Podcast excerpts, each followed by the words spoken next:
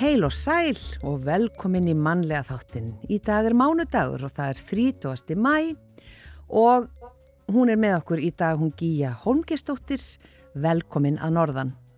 Takk fyrir, mikið hlakkaði til að vera hérna með ykkur í mannlega þættinum. Já, Gíja, þú eru með okkur næstu þrjár vikurnar. Já. Og eh, við bara byrjum eins og venjulega á því að rifja upp sögu þessa dags og það var einmitt 1431 sem Jóhanna af Örk var brend á báli í Rúðuborg í Fraklandi. Svo var það árið 1768. Á þessum degi þá var Egert Ólafsson skáld og vara lögumadur á ferð og hann fórst á breyðafyrði á samt konu sinni og sex öðrum mönnum. Voru þau að koma frá vetursveitu í Söðlöksdal. Jónas Hallgrímsson flutti prófræðu sína í Bessastæðikirkju á þessum degi 1829 Svo færum við okkur fram um nokkur ár, 1851, þá var hann Jón Sigursson Kosin, fórseti kaupmannahafnadeildar hins Íslenska bókmyndafélags og gengdi þeirri stöðu til dauða dags. 1894 Eldei var klifin í fyrsta skipti og þar var að verki Eldeiar Hjalti, svonemdur Hjalti Jónsson og tveir aðrir vesmanengar og þetta var talin hinn mesta hættuför.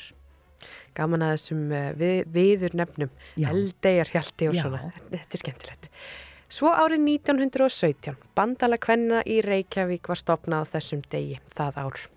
Og 1940 róstur urðu eftir knaspinu millir fram og vikings í Reykjavík og það voru eh, handteknir 30 manns. Já, Það var ekkert, ekkert öðru vísi. Mönnum hefur verið heitt í hamsi þarna. Greinilega, þetta hefur verið hörkuleikur. Já, en að efni mannlega þáttarins í dag, ungu fólki sem ekki er í vinnu, námi eða starfstjálfun hefur fjölgað í Evrópu síðustu ár og afleiðingar fyrir þennan hóp geta verið margvíslegar eins og verri, andleg og líkamli heilsa.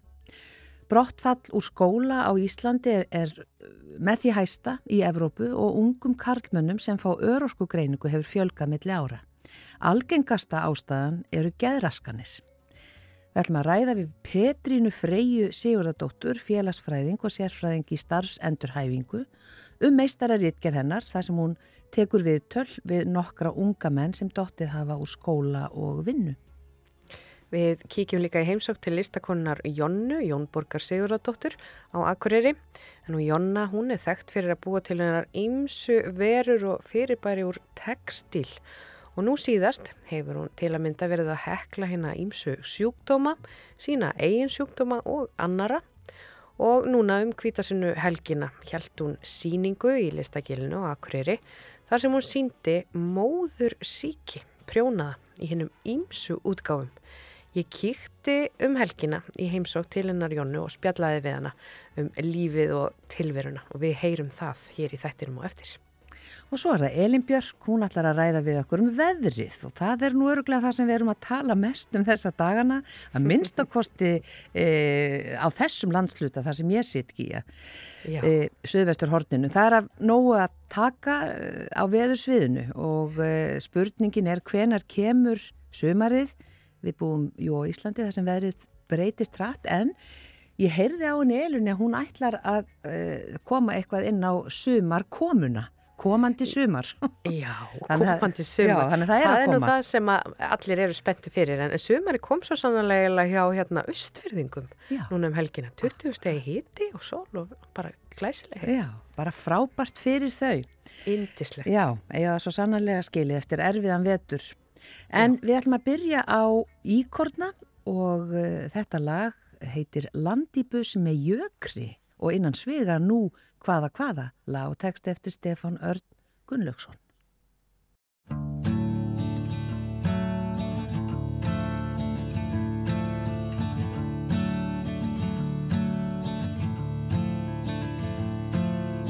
Nú, hvaða, hvaða, hvað er með þennan fíkna ógna hraða? Þú sem hefur á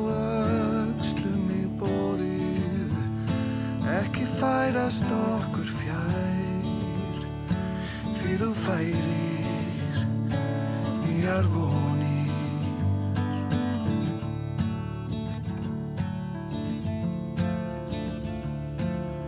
Tja, já, og já, já Þessi snúningur mætti á sér hæja og það lengja svo índala komdu ofur lítil næ því þú fæðir að þér nýjar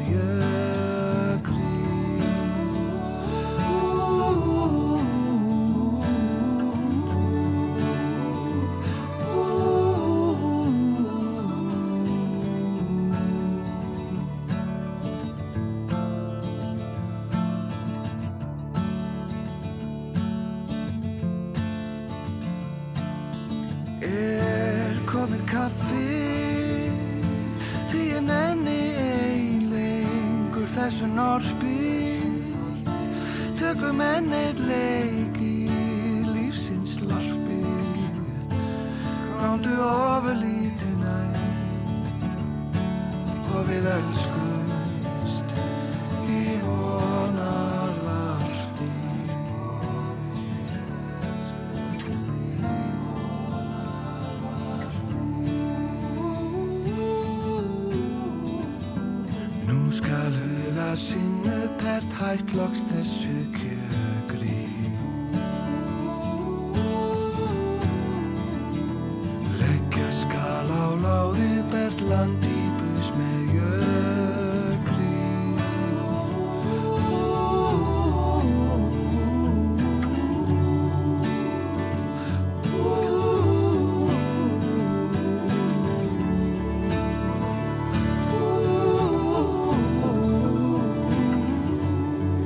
Stefán Ört Gunnlaugsson eða Íkorni og lag sem heitir Landibus með jökri.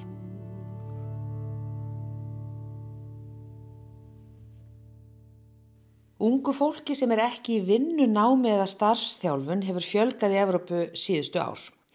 Afleggingarnar fyrir þennan hóp geta verið margvíslegar eins og verri andleg og líkamleg heilsa. Brottfall úr skóla á Íslandi er til dæmis með því hæsta í Evrópu og ungum karlmönnum sem fá öruskugreiningu hefur fjölga melli ára. Og algengast ástæðin eru geðraskanir. E, ég er komin hérna á Selfoss, heimtilina Petrinu Freyju Siguradóttur, félagsfræðing sem var að, eða kláraði meistara rítgerð fyrir örfáum mánuðum. Það sem yfirskriftin var þessi, mér leið ekki vel, reynsla ungra karlmanna sem ekki eru í vinnu eða námi af grunnskólagöngu og líðan á þeim tíma. Uh, já, af hverju var þetta fyrir valinu, þetta, þetta efni og þessi rannsókn? Þú, þú gerir þessa rannsókn uh, með sex, þetta eru það sem heitir það ekki djúb viðtöl við sex einstaklinga. Já, ég tók viðtöl við sex unga, unga kallmenn á aldrinu 20-25 ára og ég var að skoða hvort ég rætti einhverja sameilega reynslu á grunnskóla árunum sínum mm sem orsakaða það að þeir væri þessari samfélagsstöðu í dag þar að vera án vinnu og án mentunar. Áhugin á því að skoða ungu drengina eða ungu mennina kom sannlega ykkur, ykkur tíman á háskólan árum mínu sem byrjuði 2012 Já. þá fór ég í háskóla og tók félagsfræði Já. en þá var svo mikil um, umræða í samfélaginu um að drengir væru að detta át úr skóla og þeim var að fækka hækka og stelpum, stelpuna væri að verða fleiri og ég var að velta mér hvað orsakaði þetta og svo á setni árun sem ég var í meistaranáminu þá er ég fann að horfa svolítið meira aftur á strákana og fór að velta fyrir mig hvert, hvert ég ætti ekki að reyna að skoða þetta hvort ég ætti þessi hverja samilega reynslu sem og ég gerði. Og það sem kom mér þetta var mjög áhugavert og, og í rauninu alvarleg niðurstað myndi ég segja, hún, er bara sorg, og eða sorgleg. En ég er bara að segja það strax ég, það var, ég náði uh, í þessa sex stráka það var aldrei vandamál að hafa samskipti við þá, fóru mjög jákvæðir í hér saminu og vildu endilega fá að segja sögu sína. Það er mjög mikilvægt að það komi fram af því að. Þeir vil, ekki, sérst, vilja að finna lausnir að aðri drengi sé ekki sömu stöðu og þeir voru, og, e, voru ég vona að sé betur stað þetta núna, af því að þeim leið ekki vel. En það var aðalniðustan, þeim leið ekki vel á grunnskólu árum og eftir því sem árin liðu á, á grunnskólórun þá leiðum alltaf ver. E, ég gerði hérna, var með eiginlega rannsók og semst yfir þeim að var, mér leiði ekki vel og undir þeim voru sko var, hvert vandamáli var. Það voru heimilsastæður, líðan í skóla, þeir voru með geðraskanir og svo var það eins og ég kalla atkvarfáru erfileikum eða flótalegin. Já. Á hvaða stað voru þeir þegar þú hérna, tekur þessi viðtöl? Þeir eru orðin hvað 20 til 25 ára. Voru þeir í einhverju, ég hvað að segja, einhverjum úrlausnum eða einhverjum svona stað það sem var verið að vinna í þeirra málum? E, þrýr voru e, atvinnileysir á, á hérna, skrá hjá vinnumálastofnun og þrýr voru í, í starfsendurhafingu. Þannig nálgæðist ég það. Já. Eh, aðstæð, ástæðuna fyrir þeir og þeir áttu þessa sameilu aðstæður sem að, hérna, kom fram þegar ég fór að tala við þá heima hjá þeim voru erfiðar heimilsastæður þeir voru í áttu erfið samskipti við fóreldra sína. E, þeim skorti ást og umhyggju. Þeim fannst fóreldrinnar ekki tala um líðan vannlíðan og líðan. E, það var mikið um andlegt og líkamlegt ofbeldi. Eh, heima hjá þeim voru drikja og læti. Sumir þurfti að upplifa að feður þeirra voru teknir, teknir heimilu af lauruglu og settir í fangelsi og það voru þessi heimilserjur öskur og læti og það var, ösk, það var öskra á þá og það var, það var mikið vantröst, þeim var ekki trist fyrir verkum en samt var líka ætlast til þeir, að þeir gerði eitthvað, sérstaklega þegar koma úlýsárin, þá var ætlast til meira en þeir bara réð ekki við að standast undir væntingu fóröldrum, fóröldrarna þó þau væri allir að vilja gerðir en svo kom þessi hérna óttuðstu líka viðbyrð fóröldrarna. Fóröldrarnir voru alltaf að tala um það svo mikilvægt að hafa að segja sannleikan sko sama hver, hver, hann væri og, og ef þeir gerðu, sagðu frá og þá voru þeir sko, vissu aldrei hvernig fóröldrarnir bregðast við og, og fóröldrarnir voru ofta sko reyðir þó þeir ætli sko ekki að vera reyðir, þá bara urðið reyðir fyrir þau meðstygg sem þeim gerðu. Mm. Og svo, setna mér, þá fannst þeim líka sko fóröldarnir voru búin að gefast upp á þeim Já. og þau fundu svona höfnum, það, það var mikið niðurbrótt fyrir þá. Þetta voru heimilisaðstæður þeirra, í, svo var það skólinn, líðan í skóla, með hverju ári í grunnskólanum, þá leiðum alltaf ver og ver. Ástæðina voru námsverðuleikar, þeir voru með les- og starffræðiblindu Þeir voru með geraskanir og þegar þau voru teknir í sérkjænslu þá leiðum illa og, og jáfnvel þegar kennarði kom og tóku þau út í tíma þá var eitt sem sagði já, hann hérna trýtaði mig allt öðri sem ég leiði ekki vel. Mm. Og svo var það hérna þetta andlega og líkamlega ofbeldi sem þau urði fyrir í skólunum sem fylgdi eineltinu sem þeir voru í og það var bæðið af kennurum og nefendum og svo var það vantrösti gagvart skólaugurvöldu. E, þegar að fólkdur er komið og að hérna, standa með börnunum sínum og til að tilkynna og gera aðtöðasendir við einhvað varandi þætt, að þætti í skólunum, þá var þeim sagt vandamálið var barnið en ekki það sem kom upp á hjá þeim. Barnið var aðal vandamálið. E, já, þannig að svo kom þetta líka í skólunum eins og, eins og heima fyrir að þeir upplifðu höfnun, uppgjöf þá búið gefast upp á þeim og það var ekki til að þeim liði neitt betur. Eh, svona einhver sálgæsla, sálfræðingar eða namsráðgjafar eða eitthvað slíkt, fengu þeir slíka hjálp í skólan? Já, það, það, það, það var líka, sko, þeir voru stór hluti vandamálsins hjá þeim voru geðraskanir, þeir voru með þunglindi, kvíða, mótró þrjóskuröskun og þeir voru með voru einhverjurófi, félagskvíði og svo var það taugaröskun, hérna voru þeir með ADHD og það sem að hérna á einhverju tímapunkti voru þeir sendir til sálfræðinga og einn hafi, hafi kost á því en hann mætti bara tvo tíma en hætti og hann leið illa og hann fannst ekki gera gagn eftir tvo tíma. Og þá voru fleiri sem töluð en það fannst ekki gera gagn. Og einn, einn af þessum drengjum hann hérna mætti til dæmis ekkert í skólanum eða mjög lítið frá 8 ára aldri. Og sá greindi sitta mér með félagskvið hann, hann komst upp með að mæta mjög illa í skóla. Og þannig í skólanum líka þá var eh, eitt sem að hérna út af þegar hún var aðti háti þá var átti erfitt með að sopna á kvöldin. Og þegar hann vaknaði á mótnan og svo þreyttur hann svaf fyrstu tíman í, í skólanum. Og annar sem, með, sem hafði þegar hann laðist á kottan á kvöldin þá fór alltaf flegi ferð í höfðuna hann náði ekki að róast. Og allar þessi greiningar höfði semst voru semst að höfði áhrif. Og það var að hafa áhrif á svefnið þeirra. Og þeir vildi ekki vinna með greiningarnar. Var svona helst að hjá þeim varðandi þunglindun og kvíða sem þeir voru með.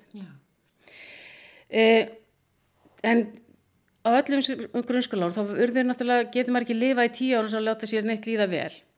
Og þeir náttúrulega fundu sína leiðir. Og þeir fundu, ég kallaða flóttaleið eða atbar frá erfileikunum og þegar þeir urðu eldri þá fóru þeir að draga ár samskiptu við fóreldruna því að þeir stóðist að enga vegimæntingar fóreldri sinna þeir leituðu atkvars í tölfunni einn fór í fíknefni og, og meðan hann var að tala við mig þá sagði hann svolítið, hann sagði já ég, ég bara því áttam á því núna. Ég, ég fór að reykja hassan hérna, var, það var vegna þess að ég var að deyfa tilfinningarnar. Og svo var það Anna sem saði sko þegar hann var búin að upplifa heima hjá sig þetta mikla óðbeldi og læti. Og ég sé bara hvað gerður þið þá? Ég, ég fór það bara út og já ég jáfnvel og skrúaði sundir hjólum mitt og setti það saman aftur. Og ég segi já en, en hvað svo þegar þú fórst í skólan já þá setti ég bara alltaf í flösku og lokaði. Þannig að þetta segir manni hvað í rauninni ungir eða einstaklingu sem er í skóla og eru, eru með einhver hegðun á vandamál, þá er alltaf spurning hvað liggur á bakviða, hvað er að gerast hjá þeim sem orsakar þegar þessi hegðun kemur fram. Þannig að hérna... Þannig að það var ekki einhvern veginn verið að skoða á bakvið það meðan þeir eru í hérna grunnskólanum, Þannig að þeir upplifa sig sem vandamál allan tíman en það er ekki verið að skoða hvað likur að baki.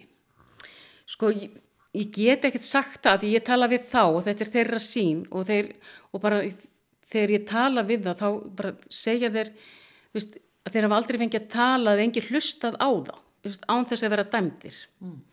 Og ég, og ég tala við tvisasinu við og ég, í setna viðtalu kom allt fram hjá þeim öllum þeir leið betur voru betur stattir eftir að hafa rauninni að fengi að tjási um hvað var í gangi, losað um, losað um eitthvað því ég alltaf í hverju, því ég byrjaði hvert viðtal þá leti ég að svara eislistanum sem mælir áfull í æsku. Uh, fjórir af þeim, þess að tveir voru með sjö stig, tveir, tveir voru með þeim, eitt var með þrjú og eitt var með ekkert. Þannig að þeir að skora hátt á eislistanum sem segir það að þeir fafa orði fyrir áföllum, alvarlegu áföllum í ösku sem þeir þurfa að vinna betur með. Og ég var að benda þeim á það og, og hvert er ætt gætu farið mm. með þess, sín vandamál. En leið þeim betur í dag á þessum aldri 20 til 25 ára?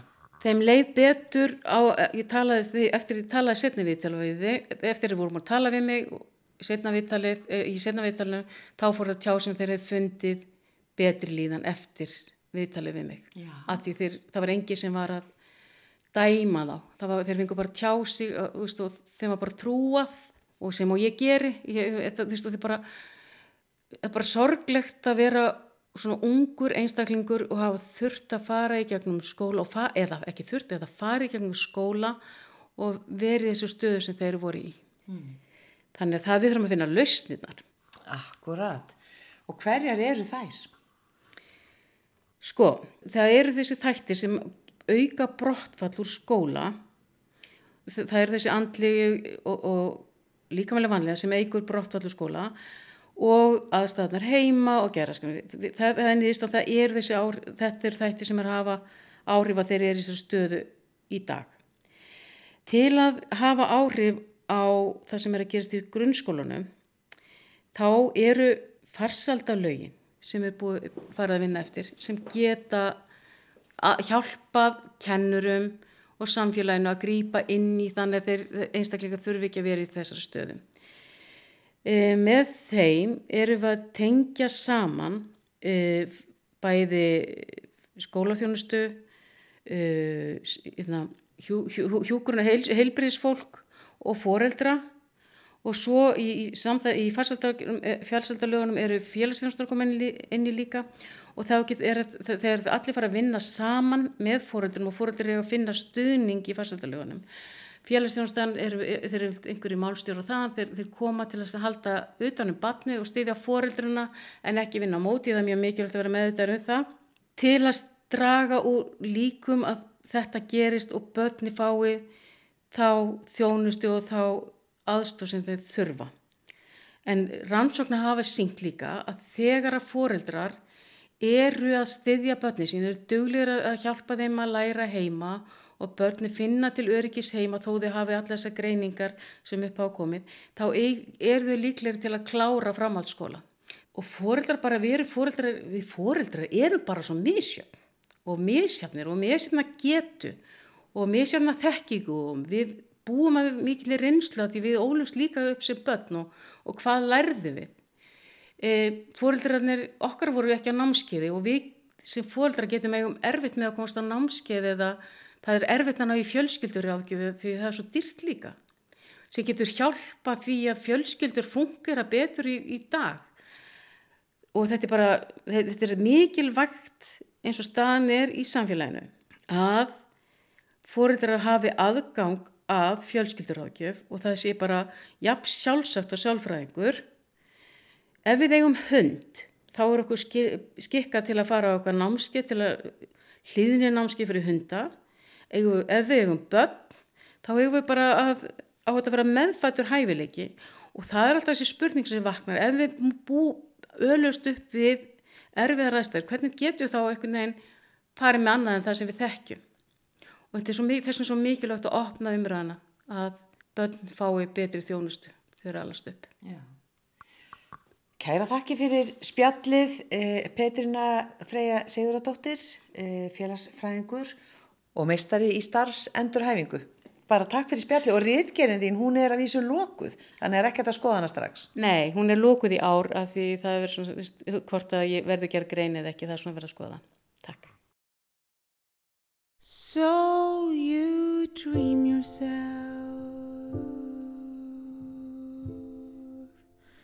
into this world. Like so many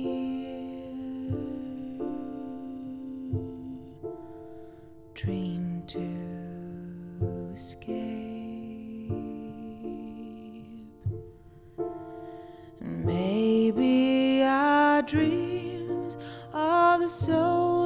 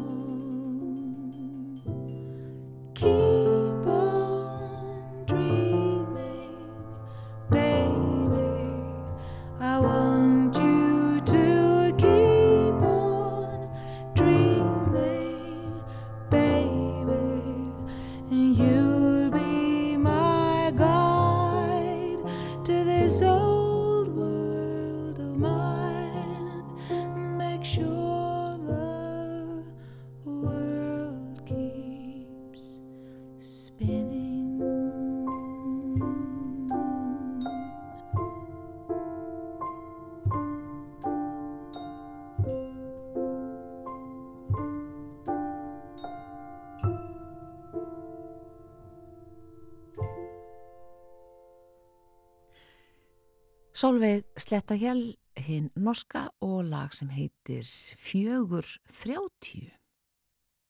En uh, þá er komið að því að við kíkjum í heimsókn til listakonunar Jonnu, Jónborgar Sigurðardóttur, sem að er með uh, vinnustofu í listagilinu á Akureyri. Og Jonna hún er þekkt fyrir að búa til hinnar ímsu verur og fyrirbæri úr textil, bæði prjónar og, og heklar og gerir alls konar. Og hún hefur verið að hekla til dæmis hérna ímsu sjúkdóma, eh, sína eigin sjúkdóma og annara og um, helgina, núna um kvítasunnu helgina, held hún síningu þar sem að hún síndi móðursiki, prjónaði hennum ímsu útgáðum. Ég kíkti um helgina í heimsóng til hennar Jónnu og ég spjallaði við hana um lífi og tilveruna og ég byrjaði á að spyrja hana hvort hún hefði alltaf verið prjónandi og heklandi alveg frá unga aldri. Já, þegar ég var í, í hérna barnaskóla þá átti ég að fara að læra að prjóna og það gekk ógst ítla, ég er mjög örfend.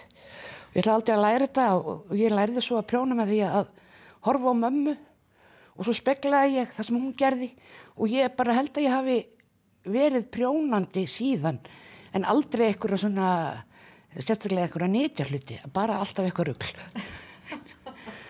Alltaf eitthvað ruggl. Uh, alveg frá því þú varst bara krekkið þá eða? Já, ég man bara eftir því að að í, í, í Jöndabæk þá prjónaði ég risastóran vettling og, og hérna reyndi að segja handhafinni kennarinn að hún hefði sagt mér að flytja þetta upp og svo prjónaði ég annan vettling eh, í stíl og ég prjónaði hann á tannstöngla. Þeir voru sannst mjög litlir. Þeir voru mjög litlir. Það var bara einn, einn risastór og einn pínlítill. Já, já, já, já. Uh, Þér finnst þá gaman að prjóna og hekla? Já, veistu það að ég get aldrei setið og gert ekki neitt. Ég get, ég get ekki hérna setið og hort á sjónvarp á þess að vera að gera eitthvað. Og eða setið fund. Ég bara næ aðteklinni þegar ég er að prjóna. En ég hekla ekki mikið núna ég, ég var hérna, hægt að geta heklað út á höndunum á mér svo fór ég aðgerð og ég hef ekki tekið heklingálinu upp aftur. En allir sjúkdóman sem að listasafni Íslands á þeir eru heklaðir. En núna þá prjóna ég. Mm -hmm. Þú ert með þess að bara með prjónana hérna við hliðina okkur Já. og þú ert að prjóna, eh, sko, þú hefur verið að prjóna sjúkdóma eins og hérna bendir á, alls konar sjúkdóma, alvarlega krabbamein, hitt og þetta. Nú ert það að, að prjóna móðursíki. Já, móðursíki er, er eitthvað svona orð sem að uh, þetta var algengt í, í gamla daga sérstaklega og sagt um konur að Æ, þetta, það er ekki dæðið, þú ert bara móðusjúk svo komum bara ljós kannski tveim ára setna, hún var með krabbamein eða eitthvað allt annað. Og þetta var orð sem er kannski ekki mikið notað núna. Og það er fyrir ekki að sagt að konu séu hérna með vefjagikt eða eitthvað svoleiðis en, en merking orðsins móðusíki, hún hefur breyst svolítið.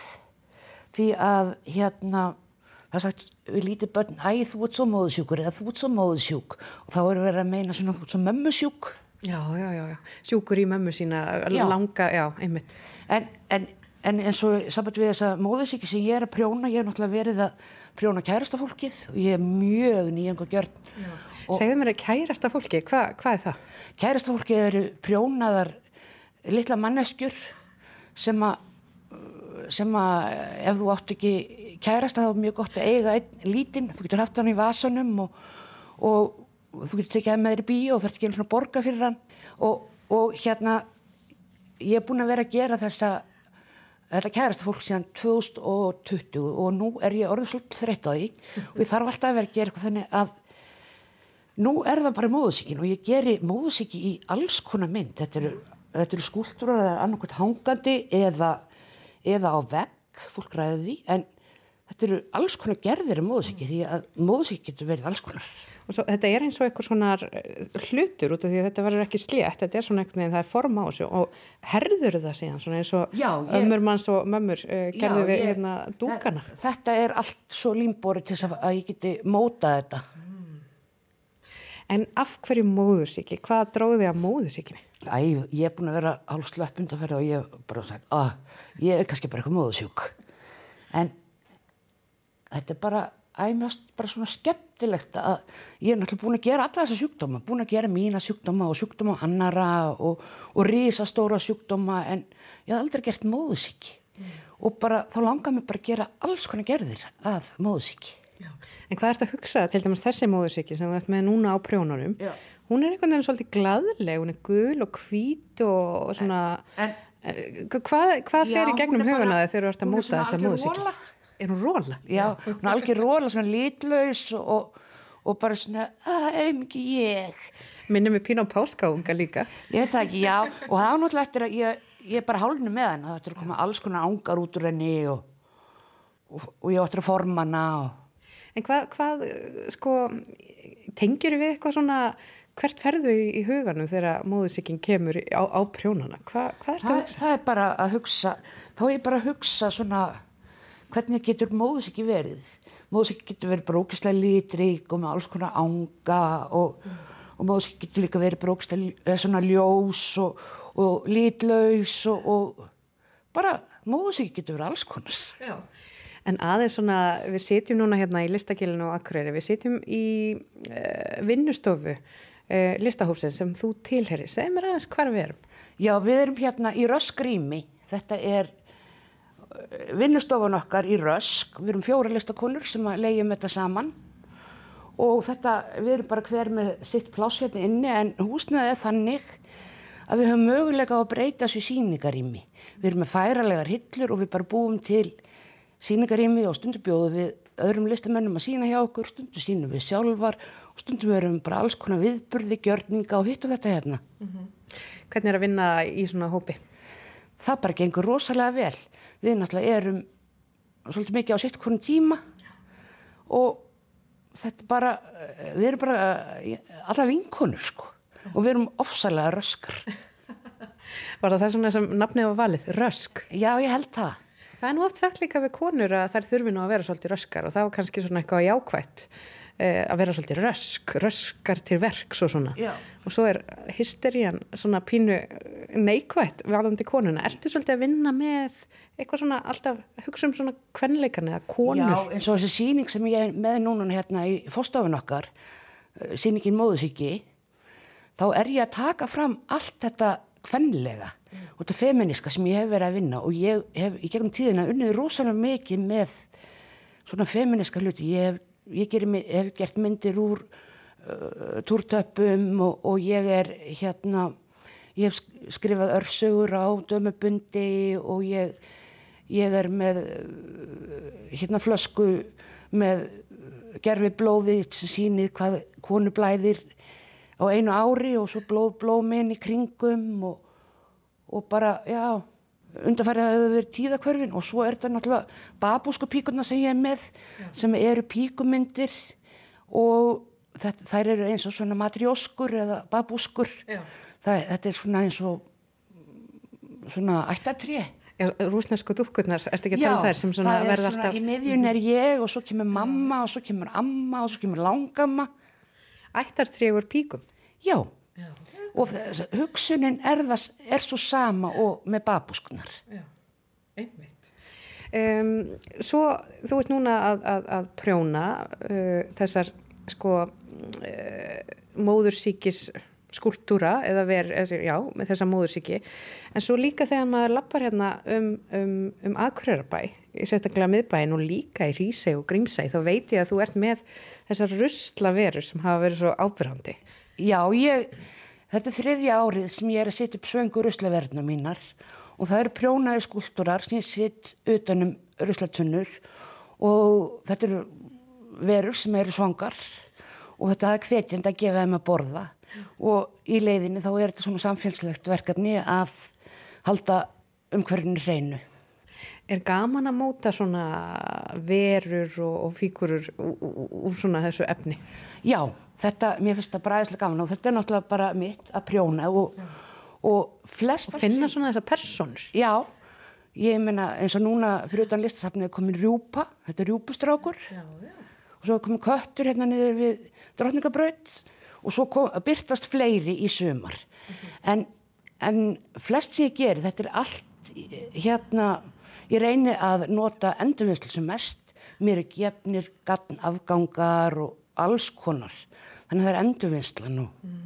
Og bara eins og í samfittu endurvinnslinu þá er ég, þá er opna núna annan júni hérna síning á listasafninu Akureyri sem heitir Ammali. Já. Það er 30 ára Ammali hérna listasafn sem er þema og ég verð, tek þátt í þeirri síningu og það er ég með verk sem heitir Áringir landfylling og þá er ég að vísa til 30 árana og landfylling er fötum mín sem eru annarkortarun og lítilámi eða slitinn og þá bý ég til listaverk úr þeim því að þau hefði alveg getað endað einhverstæri landfyllingu. Já, já. Það er einmitt það sem maður sér alltaf í þessum heimildamindum um fötinn mann sem maður setur uh, mögulega sem enda einhver staðar í fjarlagum löndum sem stórir haugar en þú tekur þetta alveg allt annað tvist á þetta? Já, mér finnst bara fínt að, að nota það sem tilfellur í listaverk og ég hef gert þetta núna í mörg ár. Ég, en það er alveg rosalegt að koma í geimsluna mína. ég ætlaði að mynda að spyrja því, hvernig er heima hjá þér og geimsluna þeinar?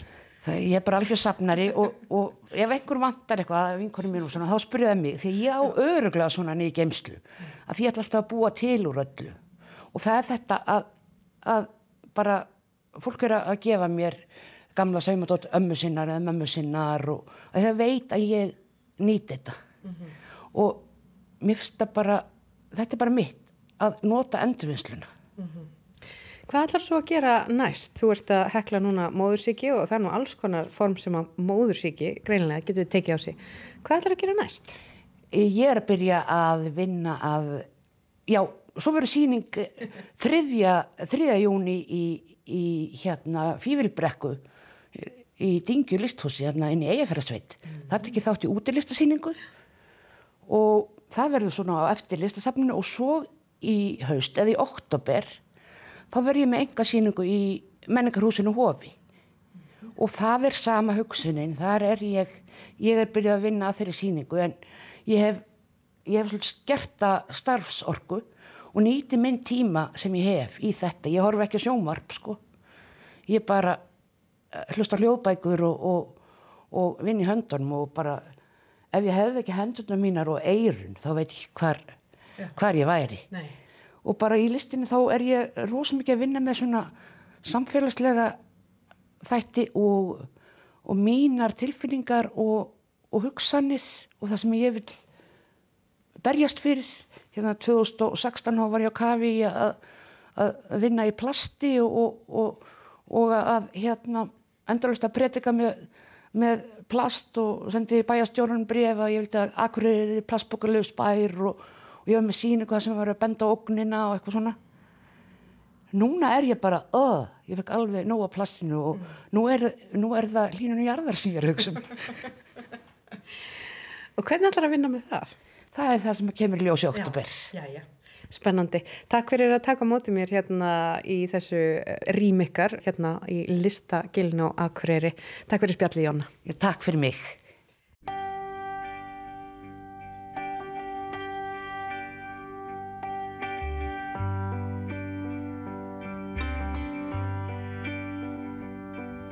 Smile, an everlasting smile Her smile can bring you near to me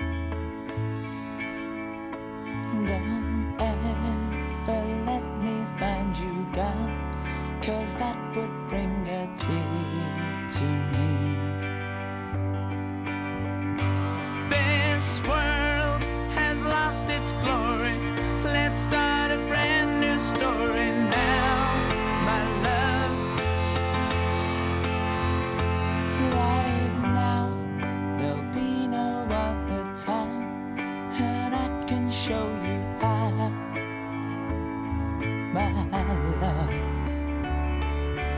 Talk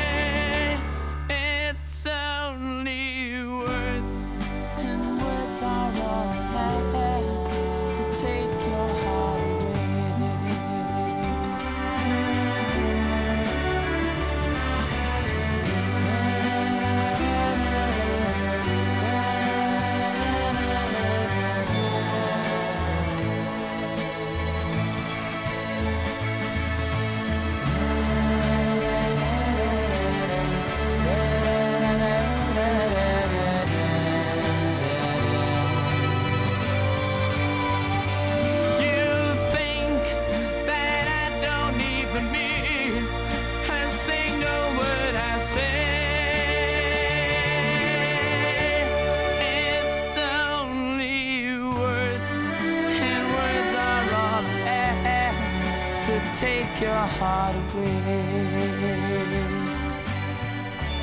It's only words, and words are all I have to take your heart away.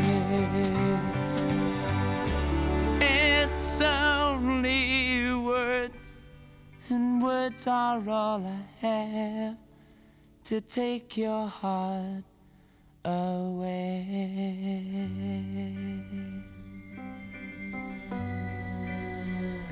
Bee Gees og lagið Words.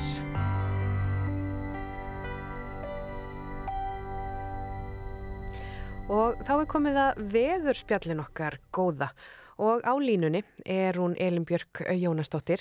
Kontu sæl? Já, góðan daginn. Góðan Góðan daginn. daginn Elín og þetta er nú daldið skemmtilegt, þið eru báðar á línunni. E, Já, já, þú, tæknin. já, svona er tæknin og Gíja, þú ert fyrir norðan, þú ætlaðir að fljúa söður í morgun en það er ekki flóið vegna veðurs. Mm Það er nefnilega, Elin, það er búið að vera svo, sko, það er þessar gulu viðvaranir sem voru núna í gær og Einmitt. voru að klárast nú bara núna í morgun. Eh, mögulega eru ennþá, já, já, allavegana, jú, voru að klárast. Það er þessi mikli vindur og það er að vera svolítið hlýtt hérna norðanlands og austan og, og, og en kvast. Já, og það var svo sem við búið, það var þessi hvassa suðvestanátt sem að í raun og veru er að, að valda þessum hlýjendum. Uh, Þannig að annað getur svona ekki án hins verið, sko. Þannig að það var alveg ljóst fyrir helgi að við myndum sennilega sjá alveg talsvert háar hitatölur á norðan og austanverðu landinu og sérstaklega svona samhliða þá hvassveðri og það er líka mjög hvasst ennþá eins og til dæmis í öræfum og, og þar sést á, á aðtugun í morgun að, að hérna, hiti fór eitthvað yfir 20 gráður á kvískerjum akkurat þegar það líka laumaði sér niður mjög svona snörp vindkviða sko. Já, Þannig að þetta fer saman. Það er nefnilega saman. Það er ekki alltaf bara sól og lokun og gleði. Já, það er ekki allt fengið með hlýjendunum. Nei. Nei, það er ekki allt fengið með hlýjendunum því að svo er nú sko náttúrulega skíjað hérna suðvestan til og hérna í Reykjavík og búin að vera svolítið súld í morgun en hér er svona alltaf því lengt sko. Þannig að, að hérna er, við, við fáum bara hérna svona hæga, hæga vestan og suðvestan átt hérna uh, við faksaflóa en, en sem sagt enga sól. Mm Þannig að þetta er svona þessu misskipt svolítið. En það eru nú allir að velta fyrir sér, sérstaklega nú hérna á söðu vesturhorninu, svona hérna, hjá ykkur. Um, hvena kemur þetta indislega blessaða sumar? Allstaðar, um all land. Já, einmitt. Ég er, þreytist ekki á að segja hérna, mína skoðun á þessu sumarmáli, sko. Íslensk sumur eru náttúrulega bjarta nætur og svona byrgilmir og ekki háar hítatölur, sko. Þannig að sumarið er til þess að gera komið, en, en við sjáum svo sem að sko það er, hann er svona lagstur í þessa sunnan á suðvestanátt, þannig að það er nú svo sem engin glampandi sól í kortunum alveg á næstunni fyrir sunnan og vestanartlandið. Það svona styttir aðeins upp og, og verður ekki alveg mikill lægðagangur núna næstu daga en, en ég ætla ekki að, að hérna, ljúa því að fólki að það sé einhver glampandi sól eða banga og blíða í kortunum sko. Nei, og hvað, hvað sérðu langt í þeim? Sko ég er nú bara svona renni gegnum það sem að við höfum sko það er alveg fínasta veður á sko norður og austurlandi í þessari vestan og suðvestanátt og, og verður ekki jafn fast svona þegar líður á vikuna sko þannig að þar kemur nú s- þangað, þa- þar verður sumarið má segja. Svo er ég að skoða bara svona þessa tíu daga spá og, og síðan langtíma spátnar og, og hérna og tíu daga spáin hún gerir svo sem ekki ráð fyrir neinum stórkostlegum breytingum sko. Uh, en langtímaspáin sko hún gerir nú bara aðalega gerir hún ráð fyrir því að það verði ekki mikill lagðagangur að landinu sem að er í raun og veru bara bestu fréttir sem að við getum getum óskað Já. okkar á þessum árstíma. Það er nú Þannig gott út af því hérna- að bleikan Já, er nú það leiðileg. Þó hún verið góð fyrir gróðurinn. viðvarandi. Já, Já, Já. einmitt. En, náttúrulega búið að vera vætusamur mæ þannig að það verður áhugavert að sjá samantektina sem kemur vantarlega í loku vikunar já, eða byrja næstu viku um, um, um mæmánuð sko. myndur að halda að þar væri eitthvað metslegið eða? Nei, ég hugsa að það sé nú ekki met en ég held að þessi tilfinning fólks að það hafi ringt meira með allan mánuðin sé alveg rétt sko. Já. akkurat. Þannig að hérna, þá ég rík- aðeins fengið á, ábendingar um það að þetta, þetta sé að verða ágætt fyrir gróðurinn. Já, er, er það ekki? er hægt að drekja honum bara hreinlega? En hérna, en fer að vanta þá vætu fyrir norðan eða hvað? Uh, nei, ég held að við séum kannski ekki komin í það en ég veit að það er svona frekar sko, snjólétt á hálendinu og Mm. það, það svona gæti haft áhrif á við mögulega förum að heyra eitthvað um hérna, þú veist, vastöðu í lónum og, og eitthvað svoleiðis en, en ég hef svo sem ekki heyrt eitthvað sérstaklega um, um svona það að við sem að komast í einhver met, sko. Nei, Þannig að hérna, þannig að ég held að, held að það allavega í byli sé í lagi, af því það auðvitað, auðvitað hérna snjóaði líka svolítið á Akureyri núna í mæ, sko, þó það hafi ekki verið rigning, það hefur verið kallt alveg fram að þessu. já, Mhm. Um, það er nú kannski helst, sko, held ég áhugavert að, að fylgjast með, sko, Egilstöðum og Dalatanga, því þar held ég hafi verið kannski svona minnsta veðrið, þó það hafi vissulega líka orðið kallt á, á Egilstöðum í þessu norðan hreti, hérna, eftir miðan mánuðin, sko. mm. Já, minnsta veðrið. Hva, hvað áttu við? Já, bara svona, þú veist, við höfum verið að, að það hafa verið viðvarnir auðvitað út af, út af Já, já. úrkomu og, og hríð og, og hvassveri og alls konar í mánuðinum, sko. Og svona austurlanda glettingi, þetta spásaði þessum eigilstæðir sitja, hefur nú kannski, það vissulega verið norðan svona hríðarviðvörun fyrir, sko, fjallvegina. En, en hérna, eins og það, þú veist, hefur verið kallt og snjóa talsvert á Akureyri og svo verið rigning hér uh, á höfbrukarsvæðinu að það nú kannski verið svona bara minnsta veðrið svona til þess að, að hafa einhverjar áhyggjur af fyrir austan. En, en það gæti alveg verið misminni hjá mér. Það getur vel verið að ég sé að mér sé að reyka eitthvað verðurnar með, með hvernig staðan hefur verið en, en við, þetta verður allt gert upp í mánaðamótan eins og er alltaf á veðstofinu sko. Já, það verður forvitnilegt að sjá svona þessar tölur. En hvernig er svona þessi eh, mæ, júni skil fyrir ykkur veðurfræðinga? Er þetta mikið álagstími? Allir að spyrja hvenar er sumari komið? Er sumari komið? Þetta er svona skilgreiningaratrið. Já, nei, nei, ég myndi nú kannski ekki segja þetta sé- síðast okkur álagstími en, en hérna, en það er alltaf þannig að þegar mæ kemur og svona fer að byrta mikið að þá er eins og fólk gleymið því alltaf að það bara snjóaði í mæ síðast og síðast ári og árinu þar er, þú veist, þetta er mjög algengt sko, að við fáum einhvers konar hret, hvítasunni hret og eitthvað sko. Og hérna, og ég verð alltaf jafn hissaði hvað fólk er hissa á því að veðurlagið í mæ geti verið bara alls konar. Já, akkurat. Uh, þannig að, en svo auðvitað hérna uh, voru sko hérna viðurfræðingar hérna sem að leita nú hafa það eftir sér fyrir síðustu helgi, semst ekki hvítasun helgin heldur helgina þar áður eða í kringu þá helgi að, að svona með við spána þá spáðu þau hreinlega bara því að það er þetta alltaf pyrringur í landanum svona að vikuliðinu, ég held að það hafi náttúrulega gengið eftir Já, sko. það er örglega gengið eftir. En Já. takk fyrir þetta Elín og við bara, ef við viljum fá bara sól og uh, 17 stöðu hitta þá bara förum við norður eða austur. Já, það er ekkit annað að gera í byli en Nei, það er bara þannig. Kæra þakkir fyrir spjallið og við sjáumst aftur og heyrumst næsta þriðudag. Sumulegis, bless. já, þá er bara komið að lokum hérna hjá okkur í mannlega þættinum í dag. Já, þetta bara þýðir það að við þökkum bara fyrir, uh, fyrir samfélgina. Og við verðum hér aftur á sama tíma á morgun en þanga til. Verðið sæl.